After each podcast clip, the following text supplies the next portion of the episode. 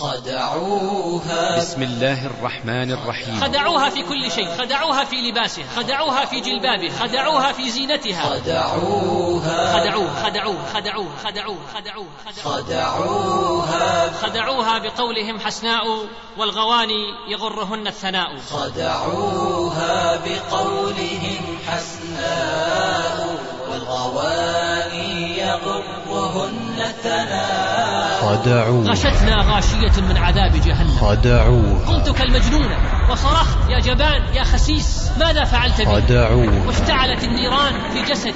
يا إلهي أجننت أنا؟ ماذا دهاني؟ خدعوها وكان هذا النذل يحركني كالدمية ينقلني من رجل إلى رجل ويقبض الثمن خدعوها وسقطت في الوحل وانتقلت حياتي إلى الدعارة. ولطخ بيتنا بالعار. خدعوها كنت أعيش صديقة للشيطان. والآن أشعر أنني مولودة جديدة. أنت يا كوكبا بجو السماء. علمنا. يريدون إخراج المرأة من عفافها من شرفها من دينها من مملكتها علمنا. الأسرية وجنتها الزوجية. وأن تغدو معذبة محطمة. تفكر في الانتحار وأن تصطلي بنار علمنا. البعد عن الإسلام. مدعين أنها في سجن. وأن جلبابها خيمة سوداء. وأنها متخلفة وجاهلة. ويريد الذين يتبعون الشهوات أن تميلوا ميلا عظيما. إنها الحرية العرجاء التي ينادون بها ويدعون إليها. توبة. هالة الصافي ماتت. أما أنا فسهير عابدين ربة بيت. وصوت ابنتي خدعوها بقولهم حسناء وأخذت أردده معها وقد انفجرت مدامعي. فهربت واختفيت عن الأنظار وعشت بين المومسات منغمسة في الرذيلة قصة. دخل علي في حالة سكر شديدة فقتلت إبليس. والدي كان يردد قبل موته حسبي الله ونعم الوكيل هو نعم الوكيل أنا غاضب عليك إلى يوم القيامة. أرهفت سمعي لصوت ينبعث من إحدى الغرف يعلو تارة ويغيب أخرى. نهضت على عجل قصة. سأحطمك بهذا الشريط. قصة. نعم لقد مورست علي علمنا. عمليات خداع. نصبتها أكثر من جهة. علمنا أنت بدر الدجى فلا تحجبي. لا تخدعنك دعوة. هي بين أظهرنا دخيلة.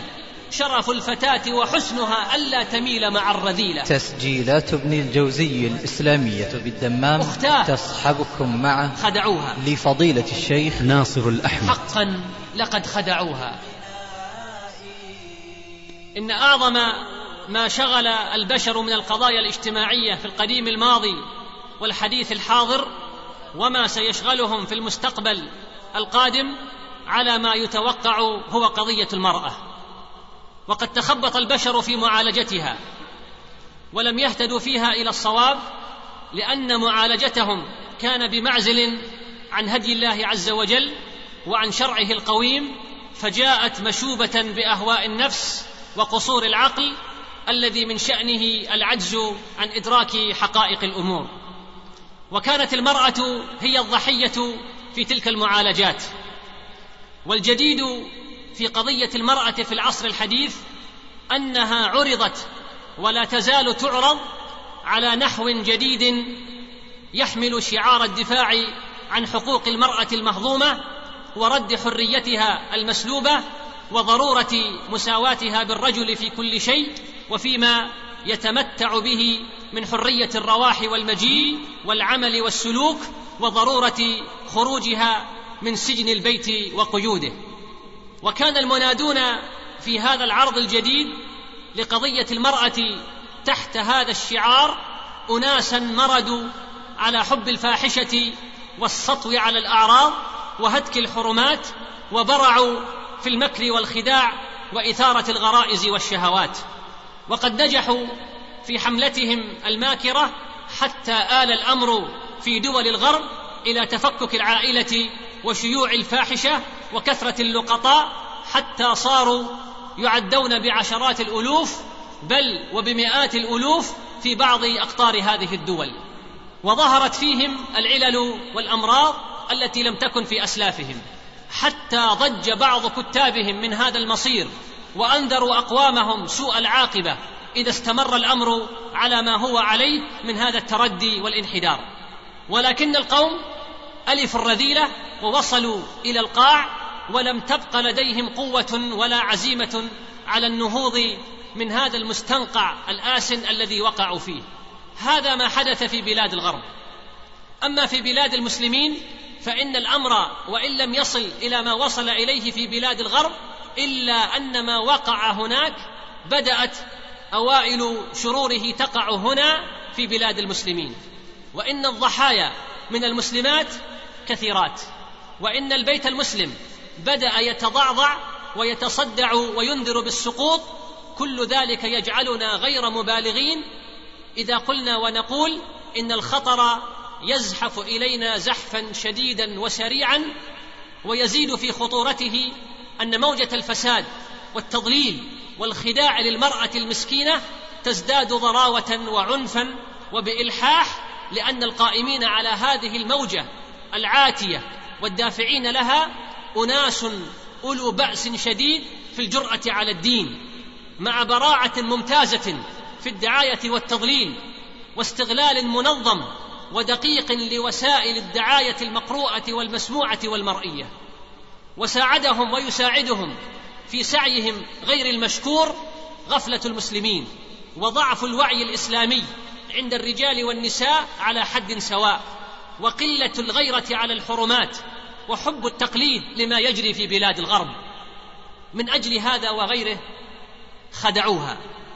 إن الله جل وتعالى خلق المرأة بطبيعة مختلفة عن طبيعة الرجل كما قال سبحانه وليس الذكر كالأنثى فهي ضعيفة وهذا الضعف يشمل عددا من الجوانب. ولأجل هذا الضعف أيضا خدعوها. فخدعوها في كل شيء. خدعوها في لباسها. خدعوها في جلبابها. خدعوها في زينتها. لقد عرف ذئاب البشر من أين يأتون فريستهم هذه المرة. فخدعوها في حجابها الذي جملها الله به. الحجاب الذي يعد من دين المرأة أصبح موضع نقاش وجدال وتمكن الذئاب أن يرفعوا عنها حجابها ليتمتعوا بجمالها. استمعي يا أختاه لقصة أختك اليوغوسلافية وهي تعيش تحت الحكم الشيوعي تروي قصتها فتقول عندما جاءنا الدب الأحمر وفرضوا على كل من تغطي وجهها أن تحمل صورة فوتوغرافية تبرزها في هويتها تقول وكانت أمي تغطي وجهها مع سائر بدنها وما رأيتها تبكي كبكائها تلك الليلة وهي تردد وتقول كيف سأكشف وجهي أمام المصور. ثم يأتي أتباع الدب الأحمر ليتمتعوا بالنظر إلى صورتي. ماذا أفعل؟ تقول وبينما نحن في حيرة من أمرنا إذ قام والدي وأحضر بين يديه فحما أسودا وقال لها خذي هذا واصبغي به وجهك وقنعيه بالسواد فلا تبدو ملامح جمالك وستظهر الصورة قاتمة.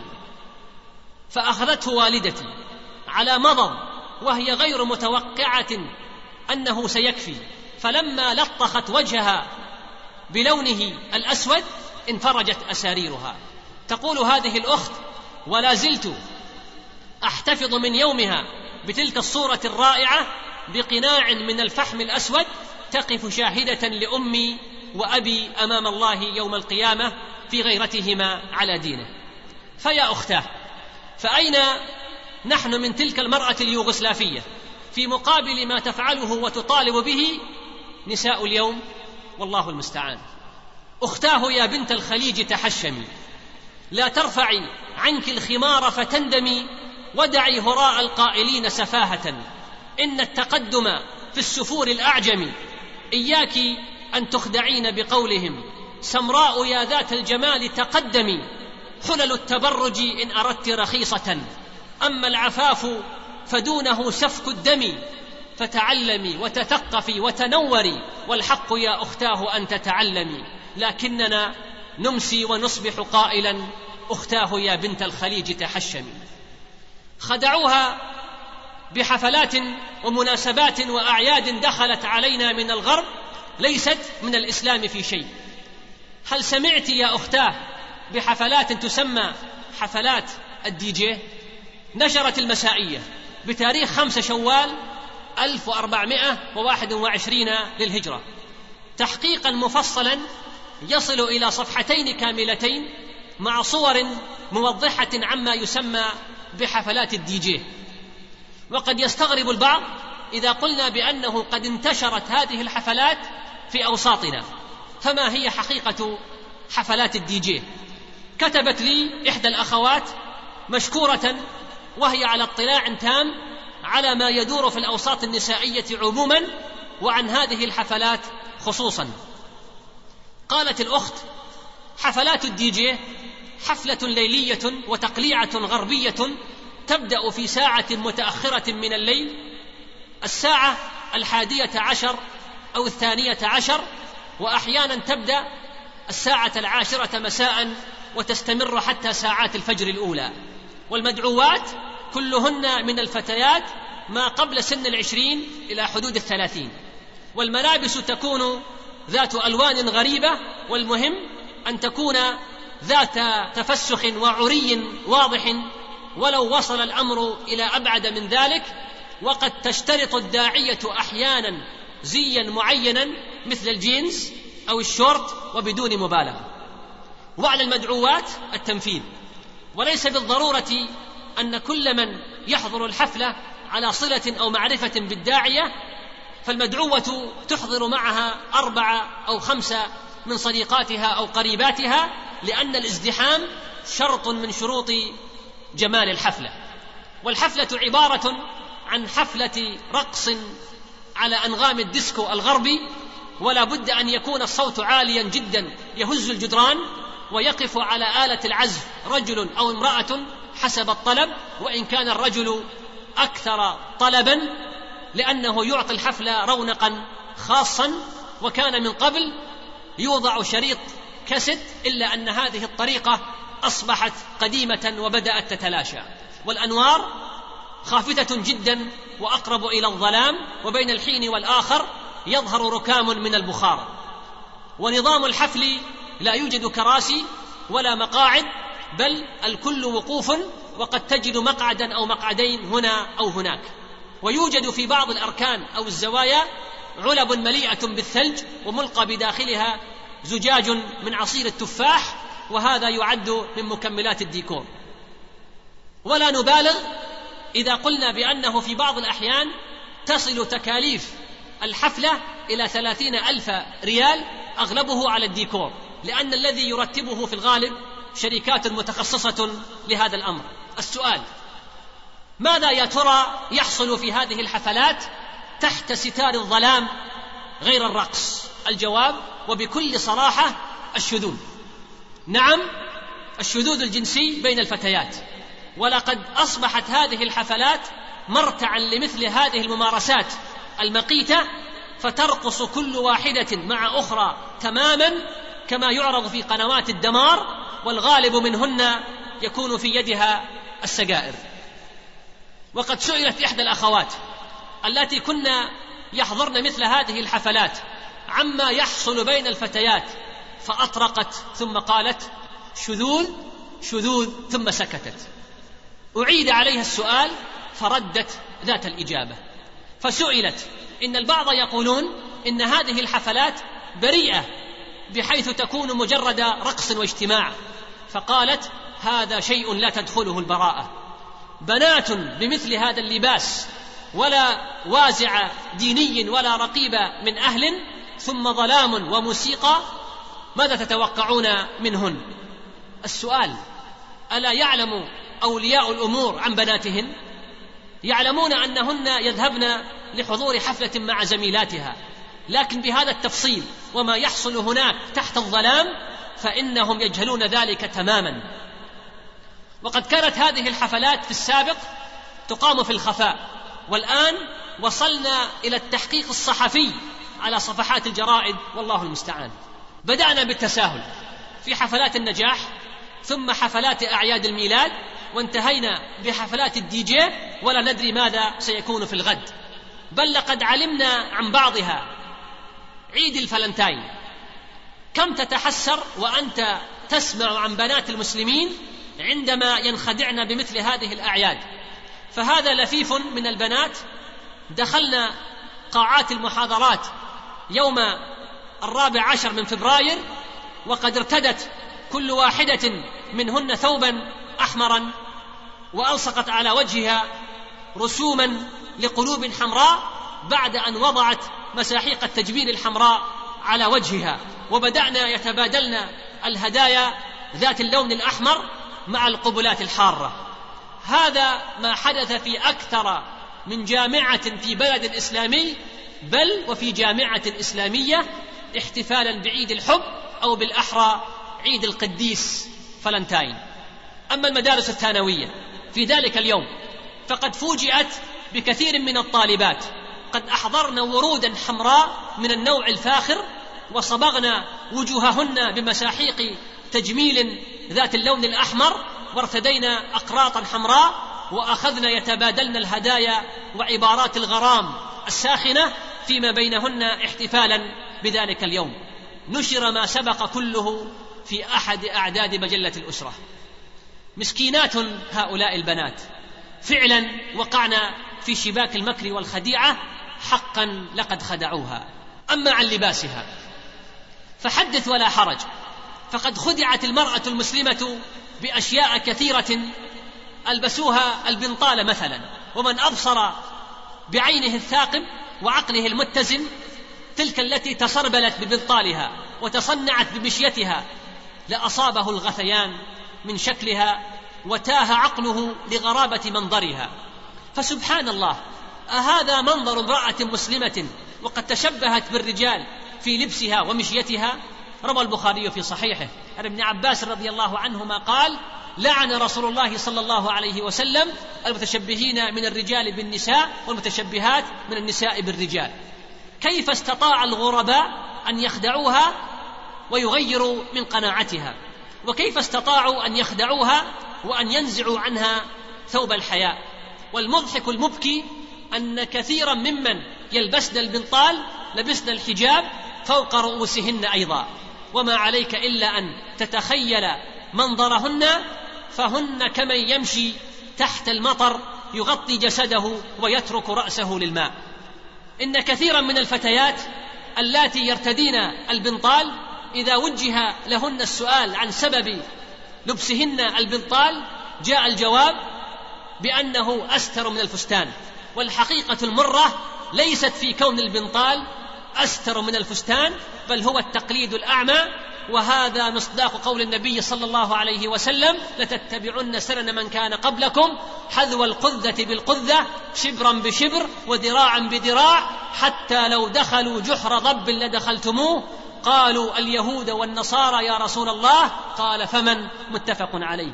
وإلا فالبنطال يفصل الجسد تفصيلا مخجلا عيانا للناظرين فأي ستر فيه؟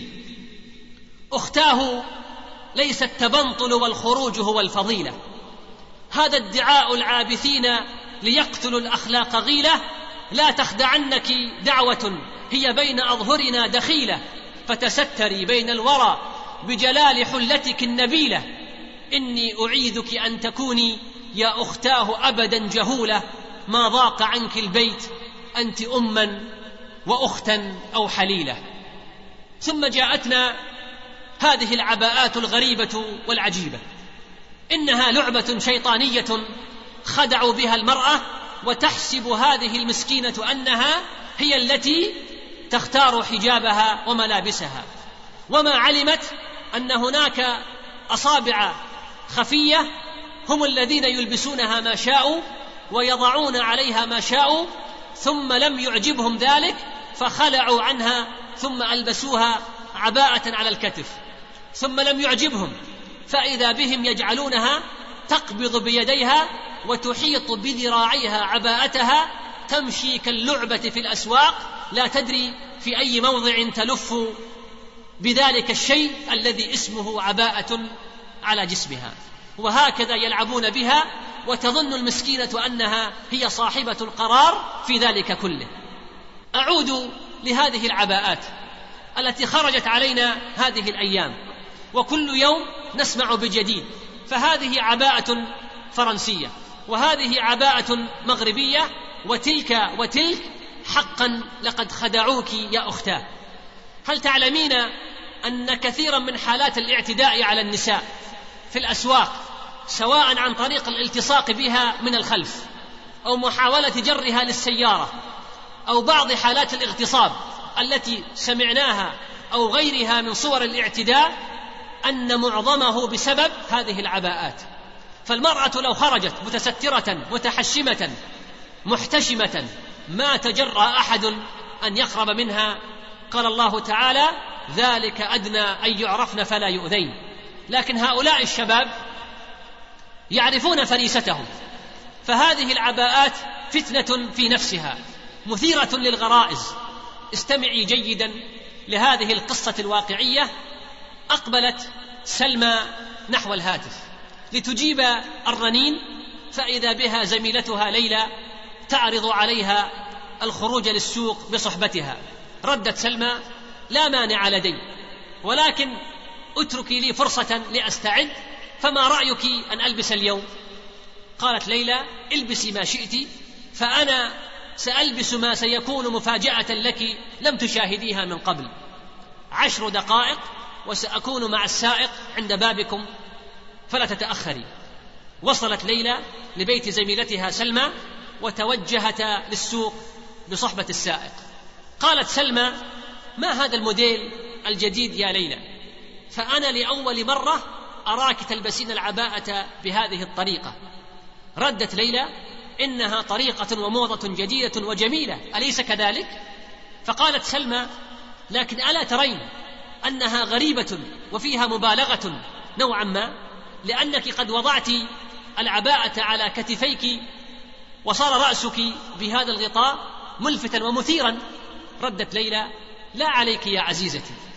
فقد رأيت أكثر من واحدة فعلت ذلك لقد بدت عليهن جميلة فأحببت مسايرتهن. بدأت سلمى وليلى بالتجول في السوق بعد أن اخبرتا السائق أن يرجع إليهما بعد ساعتين. وقد كانت ليلى على هيئتها المثيرة فالثوب ذو لون صارخ ومثير والعباءة على كتفيها حتى صار وجودها كعدمه وقد بدا رأسها عليه غطاء مزركش ومطرز وقامت بلفه من جهة لأخرى ثم شبكته بالدبابيس وقد تدلى جزء منه من إحدى الجانبين. ولم يكد هذا الغطاء يؤدي الغرض منه لإثارته وشفافيته. وكان منظرها عرضة لتحرش الفارغين ومضايقاتهم وسببا لأسى وحزن الغيورين. وبينما كانت ليلى وسلمى تتجولان في السوق ارتبكت كل واحدة منهما بسبب ورقة صغيرة ألقيت بجانبهما. كان مصدرها يد أحد الشباب الفارغين الذين يتصيدون عورات المسلمين وحرماتهم. ليسقطوا بنات المسلمين في هوة العار والدمار. لقد كان الموقف مؤثرا في نفس كل من ليلى وسلمى فقد جاءت كل منهما للسوق عدة مرات ولم يصادفهما مثل هذا الموقف. وكانت كل واحدة منهما تخمن وتفكر في سبب ذلك الموقف ربما لأنهما من قبل تأتيان للسوق بملابس محافظة إلى حد ما أو ربما لأن أحد المحارم كان بصحبة الواحدة منهما أو ربما لأنهما لم تاتيا هذا السوق منذ فترة ليست بالقصيرة. هكذا تتابعت الأفكار في ذهن كل واحدة منهما ثم عرفتا أن السبب كان من هذه العباءة المثيرة. أختاه أصغي للإله هواك فالله ينظر فعلك ويراك والله بالإنعام قد اولاك فلتشكر الله ما اعطاك. ولتحفظي لله كل جميلة. ولتحمديه فإنه مولاك. فتحجبي وتستري ولتعلمي أن التستر حافظ يرعاك. ولتعلمي أن الخمار فريضة فخذي بها كي تفلحي في اخراك. لا يخدعنك الناعقون بزورهم لن يحملوا عنك غدا بلواك. فحذاري أن تصغي لمن تبع الهوى أو تتبعي من بالمنى أغراك وتذكري أن الحياة قصيرة والموت ينتظر أمره بفناك. ومن أعجب ما خدعت به المرأة أيضا فتنة الكعب العالي. تقول المعيدة بكلية الآداب بجامعة القاهرة فجأة وجدت نفسي متكومة فوق قدمي متشبثة بأحد الأعمدة الجانبية لسلم الطائرة. أما حقيبتي وما كان معي من حاجات فقد سبقتني مبعثرة إلى أرض المطار. فقد انكسر كعب حذائي وكانت أن تنكسر معه رقبتي ومن يومها لم أفكر في استخدام الكعب العالي تقول هذه المعيدة لقد جلست مع نفسي كثيرا إثر هذه الواقعة ولا أدري ماذا كان حدث لي نفسيا لو لم تكن ملابسي فضفاضة وستر الله بها وطرحت السؤال على نفسي. لماذا ألبس الحذاء ذا الكعب العالي؟ ولمن ألبسه؟ ومن المستفيد من لبسي للحذاء ذي الكعب العالي؟ وأنت يا أختي المسلمة آمل أن تسألي نفسك أيضا هذه الأسئلة. لماذا ألبس هذا النوع من الأحذية؟ ولمن ألبسه ومن المستفيد من لبسي للحذاء ذي الكعب العالي. فالعاقلة وأظنك كذلك يا أختاه تدرك أن هذا مما خدعوا به المرأة. أختاه إن كل ما سبق يهون لو خدعت به المرأة في مقابل خداع ذئاب البشر لها فيما يتعلق بعرضها وشرفها عندها تكون النهايات المأساوية ومن أبرز طرق هؤلاء المعاكسات واستخدام الوسيلة الخفية الهاتف.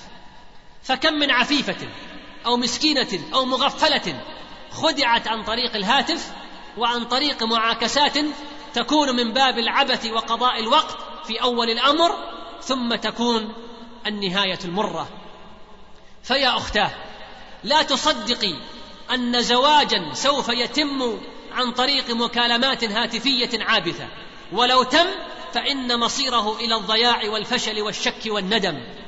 لا تصدقي أن شابا مهما تظاهر بالصدق والإخلاص يحترم فتاة تخون أهلها وتحادثه عبر الهاتف أو تتصل به أو تخرج معه. لا تصدقي ما يردده أدعياء التقدم أو ما يسمى بتحرير المرأة من أنه لا بد من الحب قبل الزواج فالحب الحقيقي لا يكون إلا بعد الزواج وما سواه فهو في الغالب حب مزيف مؤسس على أوهام وأكاذيب. احذري يا أختاه احذري المكالمات الهاتفية فإنها تسجل عند الله عز وجل وقد يسجلها أيضا شياطين الإنس أدعياء الحب فيستخدمونها سلاحا للضغط عليك أو النيل من سمعتك وعرضك. احذري يا أختاه التصوير بشتى أنواعه فإنه علاوة على تحريمه ولعن صاحبه فهو أخطر الأسلحة التي يستخدمها ذئاب البشر لإرغام الضحية وتهديدها وافتراسها. احذري يا أختاه كتابة الرسائل الغرامية خصوصا عن طريق الهاتف الجوال الذي كثر انتشاره هذه الأيام. فهي أيضا من وسائلهم في الخداع والتهديد والضغط عليك. والآن استمعي يا أختاه لقصة هذه الفتاة وهي ترويها بنفسها وهي قصة واقعية بجميع تفصيلاتها وليست من نسج الخيال. فتاة في المرحلة الجامعية في كلية الآداب مجتهدة في دراستها الجامعية معروفة بحسن الخلق والأدب الجم كل زميلاتها يعرفنها ويحببنها ويرغبن في التقرب إليها لتفوقها المتميز. قالت في يوم من الأيام خرجت من بوابة الجامعة وإذا أنا بشاب أمامي في هيئة مهندمة وكان ينظر إلي وكأنه يعرفني. لم أعطه أي اهتمام. سار خلفي وهو يحدثني بصوت خافت وكلمات صبيانية مثل يا جميلة أنا أرغب في الزواج منك فأنا أراقبك منذ مدة وعرفت أخلاقك وأدبك. تقول سرت مسرعة تتعثر قدماي ويتصبب جبيني عرقا فأنا لم أتعرض لهذا الموقف أبدا من قبل وصلت إلى منزلي منهكة مرتبكة أفكر في هذا الموضوع ولم أنم تلك الليلة من الخوف والفزع والقلق. وفي اليوم التالي وعند خروجي من الجامعة وجدته منتظرا أمام الباب وهو يبتسم وتكررت معاكساته لي والسير خلفي كل يوم وانتهى هذا الأمر بورقة صغيرة ألقاها لي عند باب البيت وترددت في التقاطها ولكن أخذتها ويداي ترتعشان وفتحتها وقرأتها وإذا بها كلمات مملوءة بالحب والهيام والاعتذار عما بدر منه من مضايقات لي. مزقت الورقه ورميتها وبعد سويعات دق جرس الهاتف. فرفعته وإذا بالشاب نفسه يطاردني بكلام جميل ويقول لي هل قرأت الرسالة؟ قلت له إن لم تتأدب أخبرت عائلتي والويل لك. وبعد ساعة اتصل مرة أخرى وأخذ يتودد إلي بأن غايته شريفة وأنه يريد أن يستقر ويتزوج وأنه ثري وسيبني لي قصرا ويحقق لي كل آمالي وأنه وحيد لم يبق من عائلته أحد على قيد الحياة. تقول هذه الأخت فرق قلبي له وبدأت أكلمه وأسترسل معه في الكلام وبدأت أنتظر الهاتف في كل وقت وأترقب له بعد خروجي من الكلية لعلي أراه ولكن دون جدوى. وخرجت ذات يوم من كليتي وإذا به أمامي فطرت فرحا وبدأت أخرج معه في سيارته نتجول في أنحاء المدينة كنت أشعر معه بأنني مسلوبة الإرادة عاجزة عن التفكير وكأنه نزع لبي من رأسي كنت أصدقه فيما يقول. وخاصة عند قوله لي أنك ستكونين زوجتي الوحيدة وسنعيش تحت سقف واحد ترفرف علينا السعادة والهناء كنت أصدقه عندما كان يقول لي أنت أميرتي. وكلما سمعت مثل هذا الكلام أطير في خيال لا حدود له. وفي يوم من الأيام ويا له من يوم كان يوما أسودا دمر حياتي وقضى على مستقبلي وفضحني أمام الخلائق. خرجت معه كالعادة وإذا به يقودني إلى شقة مفروشة دخلت وجلسنا سويا ونسيت حديث رسول الله صلى الله عليه وسلم لا يخلون رجل بامرأة إلا كان الشيطان ثالثهما. ولكن الشيطان استعمرني وامتلأ قلبي بكلام هذا الشاب. وجلست أنظر اليه وينظر إلي ثم غشتنا غاشية من عذاب جهنم. ولم أدر إلا وأنا فريسة لهذا الشاب وفقدت أعز ما أملك قمت كالمجنونة وصرخت ماذا فعلت بي؟ قال لا تخافي أنت زوجتي. قلت كيف أكون زوجتك وأنت لم تعقد علي؟ قال سوف أعقد عليك قريبا. وذهبت إلى بيتي مترنحة. لا تقوى ساقاي على حملي. واشتعلت النيران في جسدي. يا إلهي ماذا أجننت أنا؟ ماذا دهاني؟ وأظلمت الدنيا في عيني. وأخذت أبكي بكاء شديدا مرا وتركت الدراسة.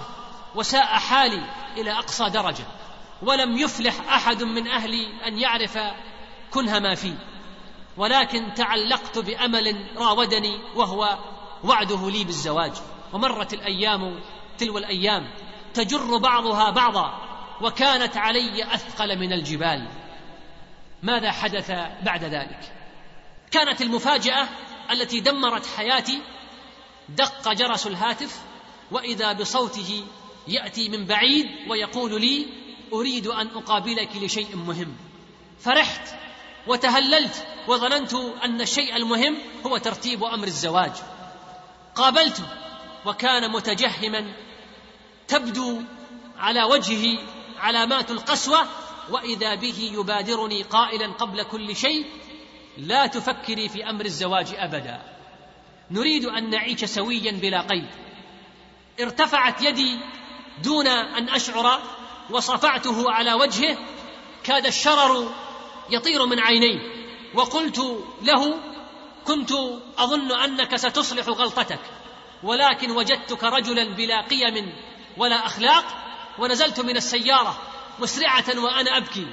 فقال لي لحظة من فضلك. ووجدت في يده شريط فيديو يرفعه بأطراف أصابعه مستهترا. وقال بنبرة حادة سأحطمك بهذا الشريط. قلت له وما بداخل الشريط؟ قال هلمي معي لتشاهدي ما بداخله. ستكون مفاجأة لك. وذهبت معه لأرى ما بداخل هذا الشريط ورأيت تصويرا كاملا لما تم بيننا في الحرام. قلت ماذا فعلت يا جبان يا خسيس؟ قالت كاميرات خفية كانت مسلطة علينا تصور كل حركة وهمسة. وهذا الشريط سيكون سلاحا في يدي لتدميرك إلا إذا كنت تحت أوامري. ورهن إشارتي. وأخذت أصيح وأبكي لأن القضية ليست قضيتي بل قضية عائلة بأكملها. ولكن قال ابدا. والنتيجة؟ أني أصبحت أسيرة بيده ينقلني من رجل إلى رجل ويقبض الثمن.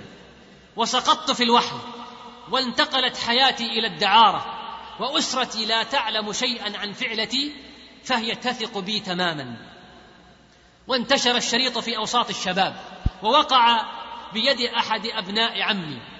فانفجرت القضية وعلم والدي وجميع أسرتي وانتشرت الفضيحة في أنحاء بلدتنا. ولطخ بيتنا بالعار. فهربت لأحمي نفسي. واختفيت عن الأنظار. وعلمت أن والدي وشقيقاتي هاجروا إلى بلاد أخرى. وهاجرت معهم. الفضيحة تتعقبهم. وأصبحت المجالس تتحدث عن هذا الموضوع. وانتقل الشريط من شاب لآخر. وعشت بين المومسات منغمسة في الرذيلة. وكان هذا النذل هو الموجه الأول لي يحركني كالدمية في يده ولا أستطيع حراكا وكان هذا الشاب السبب في تدمير العديد من البيوت وضياع مستقبل فتيات في عمر الزهور وعزمت بعد ذلك على الانتقام. وفي يوم من الأيام دخل علي وهو في حالة سكر شديدة فاغتنمت الفرصة وطعنته بسكينة فقتلت إبليس المتمثل في صورة آدمي وخلصت الناس من شره. لكن ماذا كان مصيري؟ كان مصيري أن أصبحت بعد ذلك وراء القضبان أتجرع مرارة الذل والحرمان وأندم على فعلتي الشنيعة وعلى حياتي التي فرطت فيها. وكلما تذكرت شريط الفيديو خيل إلي أن الكاميرات تطاردني في كل مكان. فكتبت قصتي هذه لتكون عبرة وعظة لكل فتاة تنساق خلف كلمات براقة أو رسالة مزخرفة بالحب والوله والهيام. وضعت أمامك يا أختاه صورة حياتي التي انتهت بتحطيمي بالكامل وتحطيم أسرتي ووالدي الذي مات حسرة وكان يردد قبل موته حسبي الله ونعم الوكيل. أنا غاضب عليك إلى يوم القيامة. فما أصعبها من كلمة كلما تذكرتها. هذه يا أختاه حادثة وقعت بين مجتمع إسلامي وفي دولة إسلامية وهي واقعية. راحت ضحيتها فتاة في مقتبل العمر بسبب كلمات معسولة تحمل بين طياتها تدمير عائلة بأسرها وربما مجتمع بأكمله. وهذه الحادثة ليست بالأولى بل حدث منها كثير وكثير لفتيات من أكبر العائلات. وكم من فتاة قتلت بسبب فضيحتها أو انتحرت أو كانت نهايتها مستشفى الأمراض العقلية.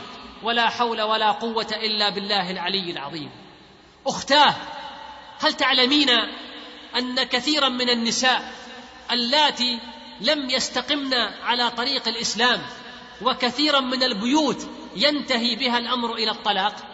فهل تعلمين يا أختاه أن هناك ازدياد في معدلات الطلاق بين شعوب دول الخليج حيث تشير الإحصاءات بنتائج مذهلة تنذر بخطر عظيم؟ ففي قطر وصلت إلى ثمان وثلاثين بالمئة وفي الكويت تسع وعشرين بالمئة وفي البحرين أربع وثلاثين بالمئة وفي الإمارات سبع وثلاثين بالمئة وأصدرت المحاكم الشرعية بمحافظة المدينة النبوية أربعمائة وواحد وتسعين صك زواج وستمائة وأربع وثلاثين صك طلاق خلال عام ألف وأربعمائة وثمان عشر للهجرة. ويتم طلاق ثلاث وثلاثين امرأة سعودية يوميا في المملكة ويبلغ في السنة اثنا عشر ألف ومائة واثنان وتسعين حالة وفي الرياض لوحدها طلقت ثلاث آلاف امرأة من أصل ثمان آلاف وخمسمائة حالة زواج. بل هل تعلمين أنه قد ارتفعت نسبة الطلاق في المملكة عن الأعوام السابقة بنسبة عشرين بالمئة؟ أما عن الدول الغربية. فقد أشارت إحدى الإحصاءات الفرنسية مؤخرا إلى أن ثلث حالات الزواج بين الفرنسيين تنتهي بالطلاق وأن عمر الزواج حاليا لم يعد يتجاوز ست سنوات. وفي ألمانيا ينفق سنويا مئة مليون مارك في مختلف الميادين للتشجيع على الإنجاب وتربية الأطفال. أما في بريطانيا فإنه يعطى الزوجان مكافأة شهرية لكل طفل ينجبانه وتقدر بحوالي أربعين جنيه استرليني للطفل الواحد لقد شاعت الفاحشة شيوعا لم يسبق له مثيل. لقد اكتسح الغرب التحرير. فلم تعد مزاولة الفاحشة عافانا الله وإياكم وأجارنا منها مقصورة على دور البغاء. بل تجاوز ذلك إلى الفنادق. والمقاهي الراقصة والمنتزهات بل وعلى قارعة الطريق.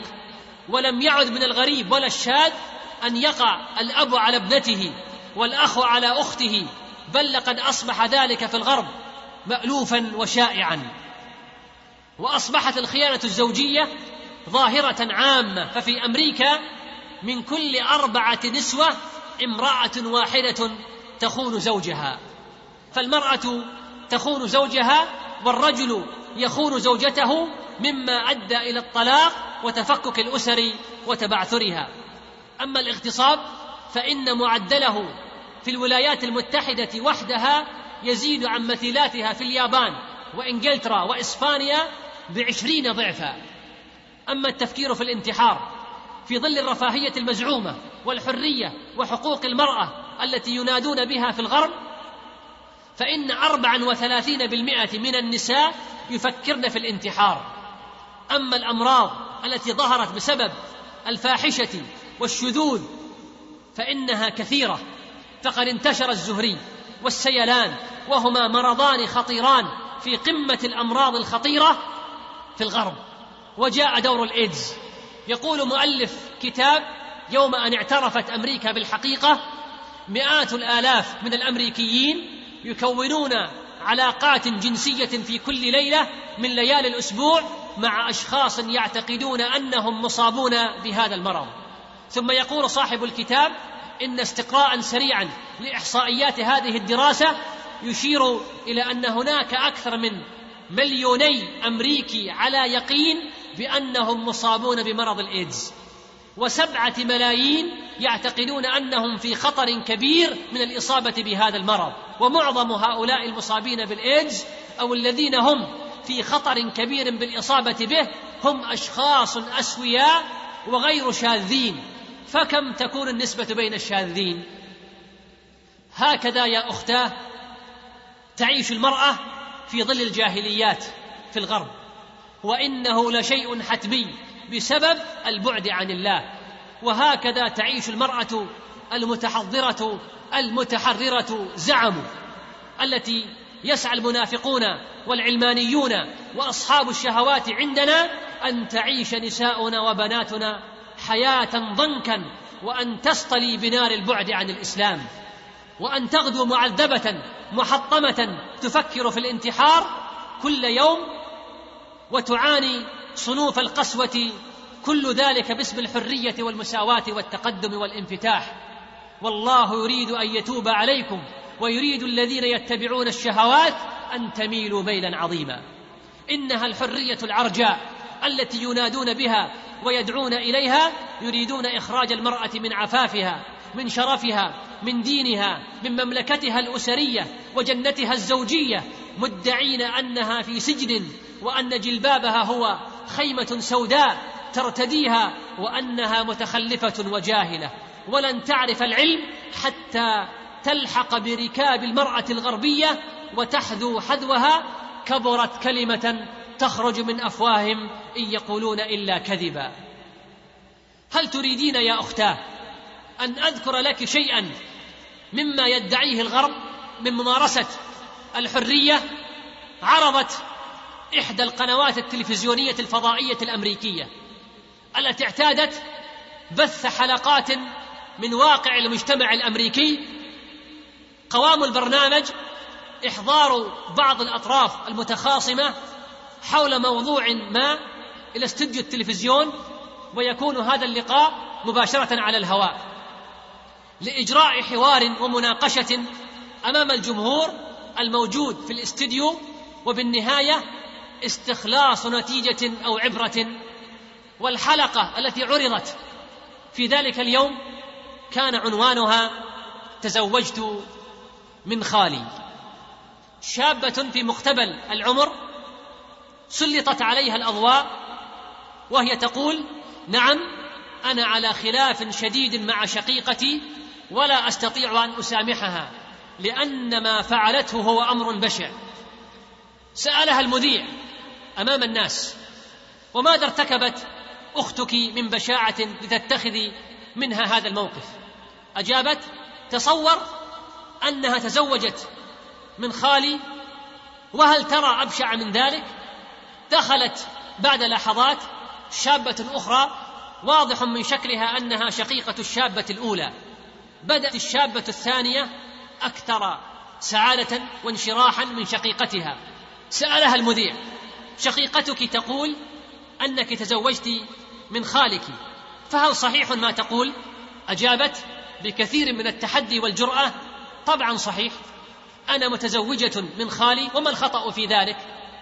صفق جمهور الحاضرين بحرارة لما تقوله هذه الفتاة مما يؤكد تأييده الكامل بحماسة. سألها المذيع ولماذا فكرت بالزواج من خالك من بين جميع الرجال في هذا العالم. أجابت بابتسامة عريضة لا يعنيني أي رجل آخر.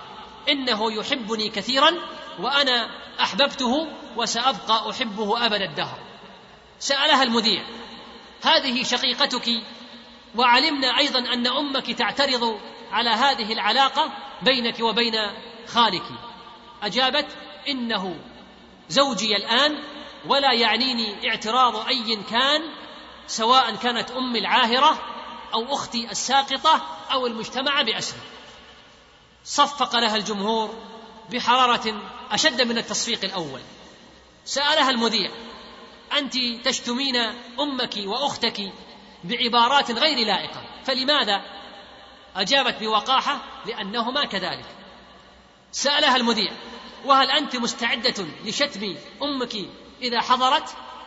أجابت لقد فعلت وسأفعل. دخلت الأم إلى المسرح وحصلت مشادة كلامية بينهما وصلت إلى التشابك بالأيدي واستمر الحوار. وجه المذيع كلامه إلى الفتاة زوجة الخال. هل أنت مقررة الإنجاب من هذا الزوج؟ سيكون ابنك وفي الوقت نفسه ابن خالك أليس كذلك؟ أجابت صحيح. وهو كذلك بالضبط فأين الغرابة في ذلك.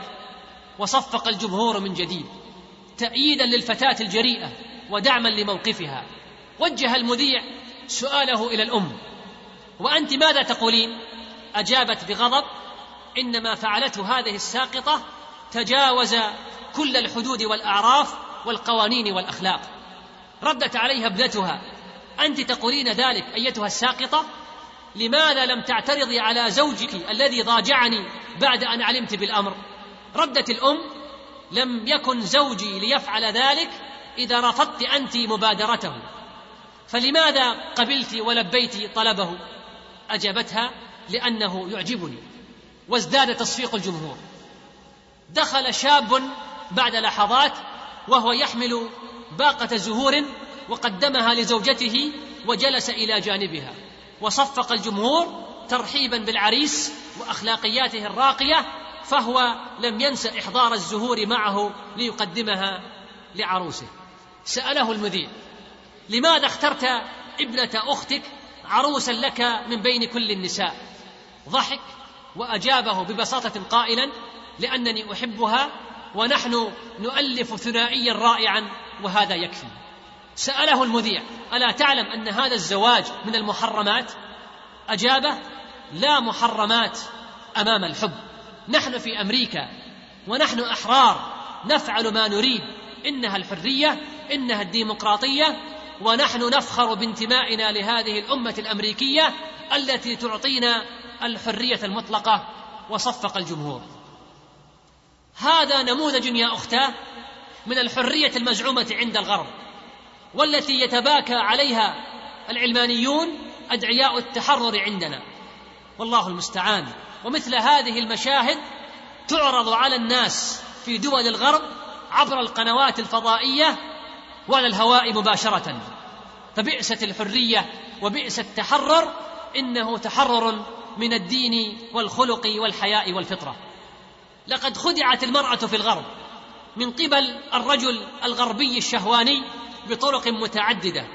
من ذلك إضافة إلى ما سبق العوبة ملكة جمال العالم التي تمر بمراحل يتم فيها استعراض العشرات من النساء من أنحاء العالم وهذا هو الهدف.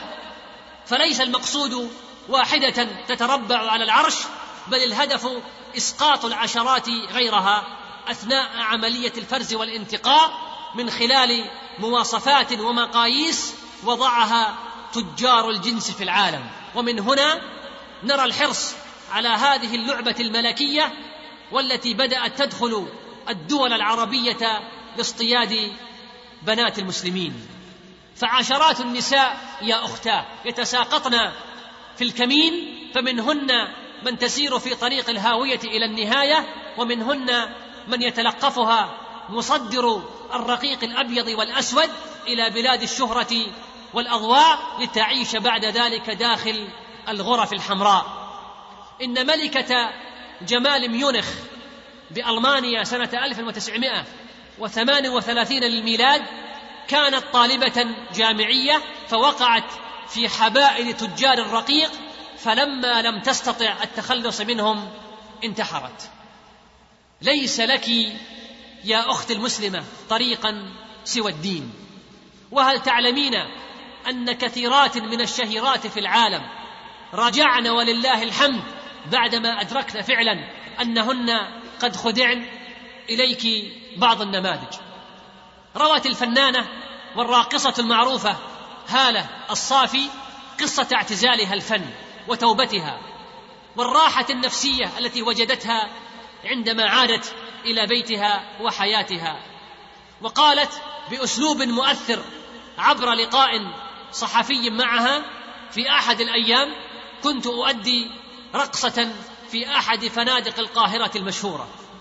شعرت وأنا أرقص بأنني عبارة عن جثة تتحرك بلا معنى ولأول مرة أشعر بالخجل وأنا شبه عارية أرقص أمام الرجال ووسط الكؤوس تركت المكان وأسرعت وأنا أبكي في هستيريا حتى وصلت إلى حجرتي وارتديت ملابسي انتابني شعور لم أحسه طيلة حياتي مع الرقص الذي بدأته منذ أن كان عمري خمس عشرة سنة.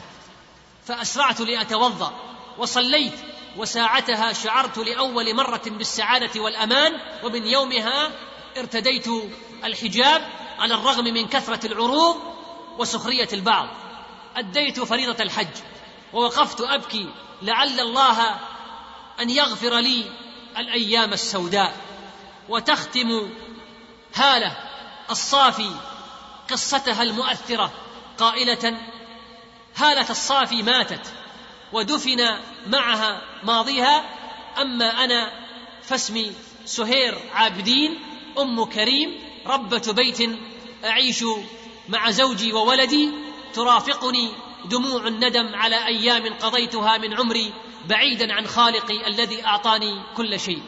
إنني الآن مولودة جديدة أشعر بالراحة والأمان بعدما كان القلق والحزن صديقي بالرغم من الثراء والسهر واللهو. وتضيف فتقول قضيت كل السنين الماضية صديقة للشيطان. لا أعرف سوى اللهو والرقص. كنت أعيش حياة كريهة حقيرة دائما عصبية والآن أشعر أنني مولودة جديدة. وهذه هناء ثروت الممثلة المشهورة المعروفة. عاشت في العفن الفني فترة من الزمان ولكنها عرفت الطريق بعد ذلك فلزمته فأصبحت تبكي على ماضيها المؤلم. تروي قصتها فتقول انتهيت من أعمالي المنزلية عصر ذلك اليوم وبعد أن اطمأننت على أولادي وقد بدأوا في استذكار دروسهم جلست في الصالة وهممت بمتابعة مجلة إسلامية حبيبة إلى نفسي ولكن شيئا ما شد انتباهي. أرهفت سمعي لصوت ينبعث من إحدى الغرف الصوت يعلو تارة ويغيب أخرى. نهضت على عجل لأستبين هذا الصوت ثم عدت إلى مكاني عندما رأيت صغيرتي ممسكة بيدها مجلدا أنيقا تدور به الغرفة فرحا وهي تلحن ما تقرأ لقد أهدتها إدارة المدرسة ديوان أحمد شوقي لتفوقها في دراستها وفي لهجة طفولية مرحة كانت تردد خدعوها بقولهم حسناء والغواني يغرهن الثناء. لا أدري لماذا أخذت ابنتي في تكرار هذا البيت. لعله أعجبها وأخذت أردده معها وقد انفجرت مدامعي تاثرا وانفعالا واناملي الراعشة تضغط بالمنديل الورقي على الكرات الدمعية المتهطلة كي لا تفسد صفحات كنت أدونها وأكتب فيها خواطري وذكرياتي في ثناياها. وصوت ابنتي لا يزال يردد بيت شوقي خدعوها. نعم لقد مورست علي عمليات خداع نصبتها أكثر من جهة. تعود جذور المأساة إلى سنوات كنت فيه الطفلة البريئة لأبوين مسلمين. وهذه غنيمة الفهد رئيسة تحرير مجلة أسرة الكويتية تقول في مقال لها بعنوان وحي الكلمات تقول هذه الأخت كبرنا وكبرت آمالنا وتطلعاتنا نلنا كل شيء فلنا في العلم والمعرفة ما يفوق الوصف أصبحنا كالرجل تماما نسوق السيارة نسافر للخارج لوحدنا نلبس البنطلون أصبح لنا رصيد في البنك ووصلنا إلى المناصب القيادية واختلطنا بالرجال ورأينا الرجل الذي أخافنا في طفولتنا ثم الرجل كما هو والمرأة غدت رجلا تشرف على منزلها وتربي أطفالها وتأمر خدمها وبعد أن نلنا كل شيء وأثلجت صدورنا انتصاراتنا النسائية على الرجال في الكويت أقول لكم وبصراحتي المعهودة ما أجمل الأنوثة وما أجمل المرأة المرأة التي تحتمي بالرجل ويشعرها الرجل بقوته ويحرمها من السفر لوحدها ويطلب منها أن تجلس في بيتها ما أجمل ذلك تربي أطفالها وتشرف على مملكتها وهو السيد القوي. نعم أقولها بعد تجربة أريد أن أرجع إلى أنوثتي التي فقدتها أثناء اندفاعي في مجال الحياة والعمل. انتهى كلامها. إنها نداء الفطرة التي فطر الله الناس عليها فالمرأة مهما بلغت فهي مرأة. لها عواطفها وحاجاتها الأنثوية. لها عاطفة الأمومة. فهي امرأة وإن استرجلت وإن قادت الطائرة وإن ركبت أمواج البحر وإن لعبت كرة السلة وإن صارت سباحة ماهرة فهي امرأة فكما لا يصلح للجمل أن يستنوق ولا يليق بالرجل أن يتشبه بالأنثى فإنه أيضا لا يليق بالمرأة أن تسترجل. ولذا لعن النبي صلى الله عليه وسلم المتشبهين من الرجال بالنساء والمتشبهات من النساء بالرجال. فيا أختاه هل وعيت ماذا يراد بك؟ يريدون تحريرك. نعم ولكن من كل فضيلة ومن كل حياء ومن كل خلق كريم إي والذي نفسي بيده وأكثر من ذلك بكثير.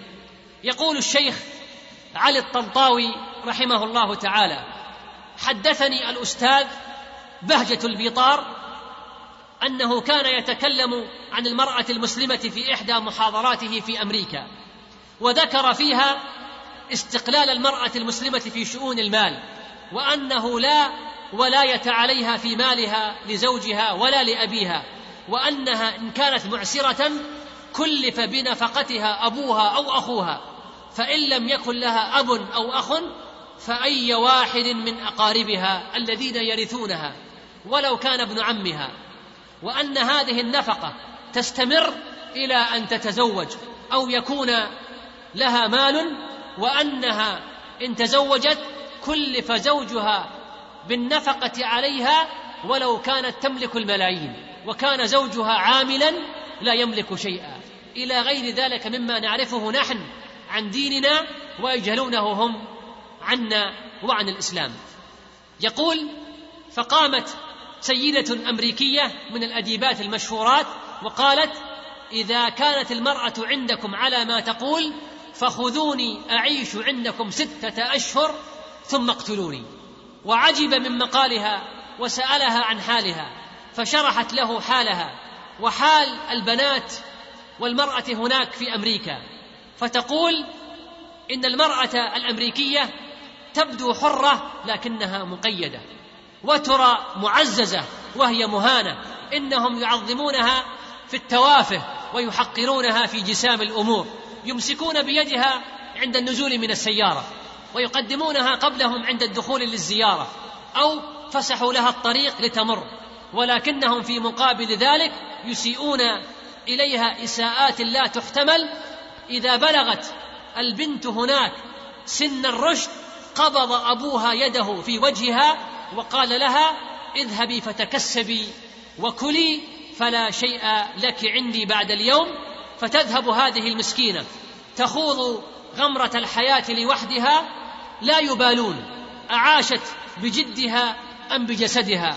وليس هذا في أمريكا وحدها بل هو شأن القوم في ديارهم كلها حقا لقد خدعوها.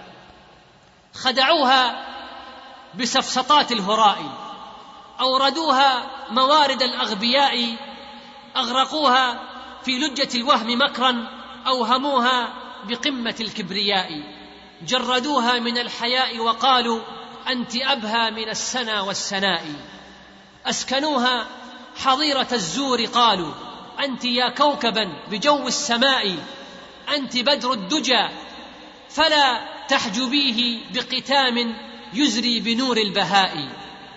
أكشفي وجهك الجميل وغني إنما السعد في ليالي الغناء والبسي ما حلا وطاب من اللبس ولا تسمعي لدعوى الغباء خدعوها بالفن قالوا سمو جهلوا أنه سموم البغاء اسألوهم عنها إذا زارها الشيب وصارت في حالة شوهاء هل يمدون نحوها كف عطف أم يدوسونها تحت الحذاء خدعوها ولم يكن ذات يوم همهم دينها وبذل النقاء لم يكن همهم سوى جلب عهر فاضح في الليالي الحمراء لم يكن همهم سوى بعث جيل نسله من براثن الفحشاء.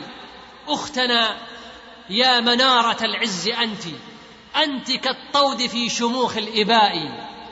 أنت بدر والسافرات ظلام أنت أم البراعم الأبرياء أنت عز لنا ومجد تليد أنت نسل الأفاضل الكرماء. علميهم أن العفاف ارتقاء للمعالي أكرم بدا الارتقاء. أخبريهم أن الحياء حياة فقدت حين أجحفت بالحياء. نبئيهم أن الحجاب احتشام واعتصام عن أعين الخبثاء. عن كلاب الشهوات لما أرادوا ملأ أجفانهم بخبث النساء. يا دعاة التحرير يكفي افتراء. قد عشقتم مرابع الافتراء. عشقوا الغرب عشقنا للجنان نعشق الحور عشقهم للبغاء. يا دعاة التغريب إنا أناس قد رفعنا جباهنا للسماء. عزنا بالإله والفخر فينا بالنبي الكريم والأنبياء. علمونا أن الحياة جهاد دون أعراضنا ودون النقاء. ما كفاكم ما كفاكم في الغرب مليون طفل أنتجتهم خطيئة الدخلاء. ما كفاكم مليار أنثى تنادي أنقذونا من وطأة الفحشاء. وخذونا لديكم وأرونا لذة العيش في ربى الأنقياء. واقتلونا من بعدها إن أردتم واجعلونا في هيئة المومياء. ثم قولوا لقومنا إن دينا يحفظ العرض ذاك دين الصفاء. والحمد لله أولا وآخرا وظاهرا وباطنا. والله أعلم وأصلي وأسلم على عبده ورسوله نبينا محمد. وعلى آله وصحبه وسلم تسليما كثيرا. وختاما تقبلوا تحيات إخوانكم في تسجيلات ابن الجوزي الإسلامية بالدمام. هاتف رقم ثمانية أربعة ثلاثة ثلاثة واحد صفر صفر ناسوخ ثمانية أربعة اثنان خمسة تسعة صفر ثمانية أنت أبهى من السنا والسناء أسكنوها حظيرة الزر قالوا. أنت يا كوكبا بجو السماء. أنت بدر الدجى فلا تحجبيه. بقتام يصد نور البهاء. اكشفي وجهك الجميل وغني. إنما السعد في ليالي الغناء. خدعوها بالفن قالوا سمو.